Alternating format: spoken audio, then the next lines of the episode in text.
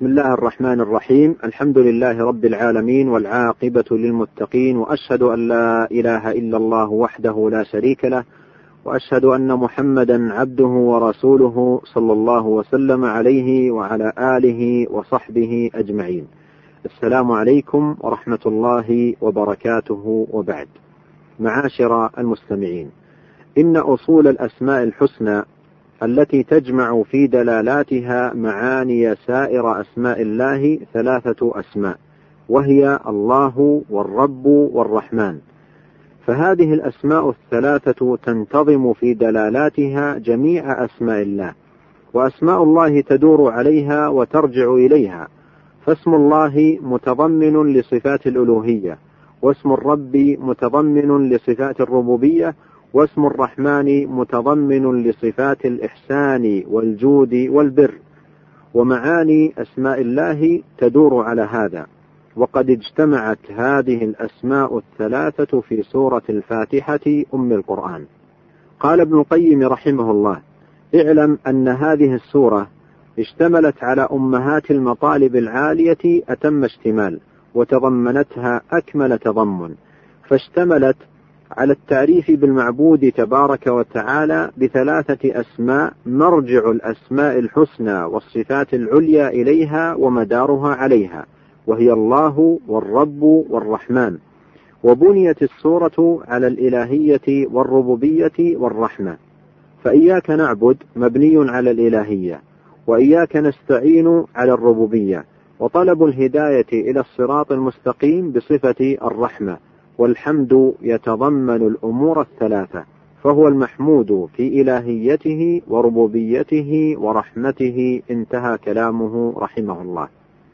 وقد تقدم معاشر المستمعين في الحلقة الماضية بيان لأحد هذه الأصول وهو اسم الجلالة الله. وفي هذه الحلقة شيء من البيان لاسمه تعالى الرب. والرب اسم عظيم لله جل وعلا تكرر وروده في القرآن الكريم في مقامات عديدة وسياقات متنوعة تزيد على خمسمائة مرة. قال الله تعالى الحمد لله رب العالمين. وقال تعالى قل إن صلاتي ونسكي ومحياي ومماتي لله رب العالمين. وقال تعالى قل أغير الله أبغي ربا وهو رب كل شيء. وقال تعالى وما تشاءون إلا أن يشاء الله رب العالمين. ومعنى الرب أي بالربوبية على خلقه أجمعين خلقا وملكا وتصرفا وتدبيرا وهو من الأسماء الدالة على جملة معان لا على معنى واحد. قال ابن جرير الطبري رحمه الله الرب في كلام العرب متصرف على معان فالسيد يدعى ربا. والرجل المصلح الشيء يدعى ربا والمالك للشيء يدعى ربه. وقد يتصرف أيضا في وجوه غير ذلك غير أنها تعود على بعض هذه الوجوه الثلاثة فربنا جل ثناؤه السيد الذي لا شبه له ولا مثل في سؤدده والمصلح أمر خلقه بما أسبغ عليهم من نعمه والمالك الذي له الخلق والأمر. وقال ابن الأثير رحمه الله الرب يطلق في اللغة على المالك والسيد والمدبر والمربي والقيم والمنعم ولا يطلق غير مضاف إلا على الله تعالى. وإذا أطلق على غيره أضيف فيقال رب كذا. انتهى كلامه رحمه الله. بل إن هذا الاسم إذا أفرد تناول في دلالاته سائر أسماء الله الحسنى وصفاته العليا. وفي هذا يقول العلامة ابن القيم رحمه الله إن الرب هو القادر الخالق البارئ المصور الحي القيوم العليم السميع البصير المحسن المنعم الجواد. المعطي المانع الضار النافع المقدم المؤخر الذي يضل من يشاء ويهدي من يشاء ويسعد من يشاء ويشقي من يشاء. ويعز من يشاء ويذل من يشاء إلى غير ذلك من معاني ربوبيته التي له منها ما يستحقه من الأسماء الحسنى. انتهى.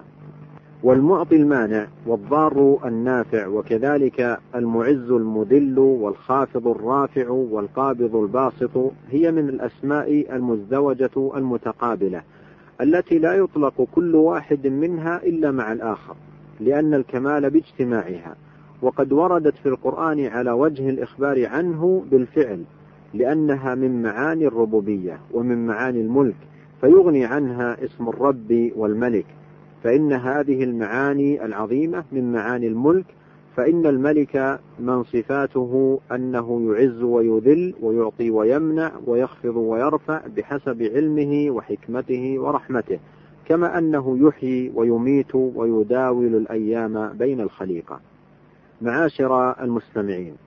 وربوبية الله للعالمين تشمل العالم كله فهو الذي ربى جميع المخلوقات بنعمه وأوجدها وأعدها بمشيئته وقدرته وأمدها بما تحتاج إليه أعطى كل شيء خلقه اللائق به ثم هدى كل مخلوق لما خلق له وأغدق على عباده النعم ونماهم وغذاهم ورباهم بأكمل تربية. وتربيته سبحانه وربوبيته تعالى نوعان. ربوبية عامة تشمل كل مخلوق برا أو فاجرا مؤمنا أو كافرا سعيدا أو شقيا مهتديا أو ضالا. وهي تربيته لهم أجمعين بالخلق والرزق والتدبير والإنعام والعطاء والمنع والخفض والرفع والإحياء والإماتة والتولية والعزل والقبض والبسط وكشف الكروب وإغاثة الملهوفين وإجابة المضطرين. يسأله من في السماوات والأرض كل يوم هو في شأن. وتربية خاصة لأوليائه حيث رباهم فوفقهم للإيمان به والقيام بعبوديته وغذاهم بمعرفته والإنابة إليه. وأخرجهم من الظلمات إلى النور. ويسرهم لليسرى وجنبهم العسرى ويسرهم لكل خير وحفظهم من كل شر. ولهذا كانت أدعية أولي الألباب والأصفياء الواردة في القرآن وطلبا منهم لهذه التربية الخاصة فتجد مطالبهم كلها من هذا النوع واستحضار هذا المعنى عند السؤال نافع جدا للعبد. معاشر المستمعين ثم إن إيمان العبد بالله ربا يستلزم إخلاص العبادة له وكمال الذل بين يديه. قال الله تعالى وأنا ربكم فاعبدون وقال تعالى يا أيها الناس اعبدوا ربكم فكونه سبحانه رب العالمين يقتضي ألا يتركهم سدى وهملا لا يؤمرون ولا ينهون بل خلقهم لطاعته وأوجدهم لعبادته فالسعيد منهم من أطاعه وعبده والشقي منهم من عصاه واتبع هواه ومن آمن بربوبية الله ورضي بالله ربا رضي بما يأمره به وينهاه عنه ويقسمه له ويقدره عليه ويعطيه إياه ويمنعه منه. ومتى لم يرضى بذلك لم يكن محققا الرضا بالله ربا من كل الوجوه. وفي الحديث ذاق طعم الإيمان من رضي بالله ربا وبالإسلام دينا وبمحمد صلى الله عليه وسلم رسولا. والله المسؤول أن يجعلنا جميعا كذلك إنه سميع الدعاء وهو حسبنا ونعم الوكيل. وإلى لقاء آخر والسلام عليكم ورحمة الله وبركاته.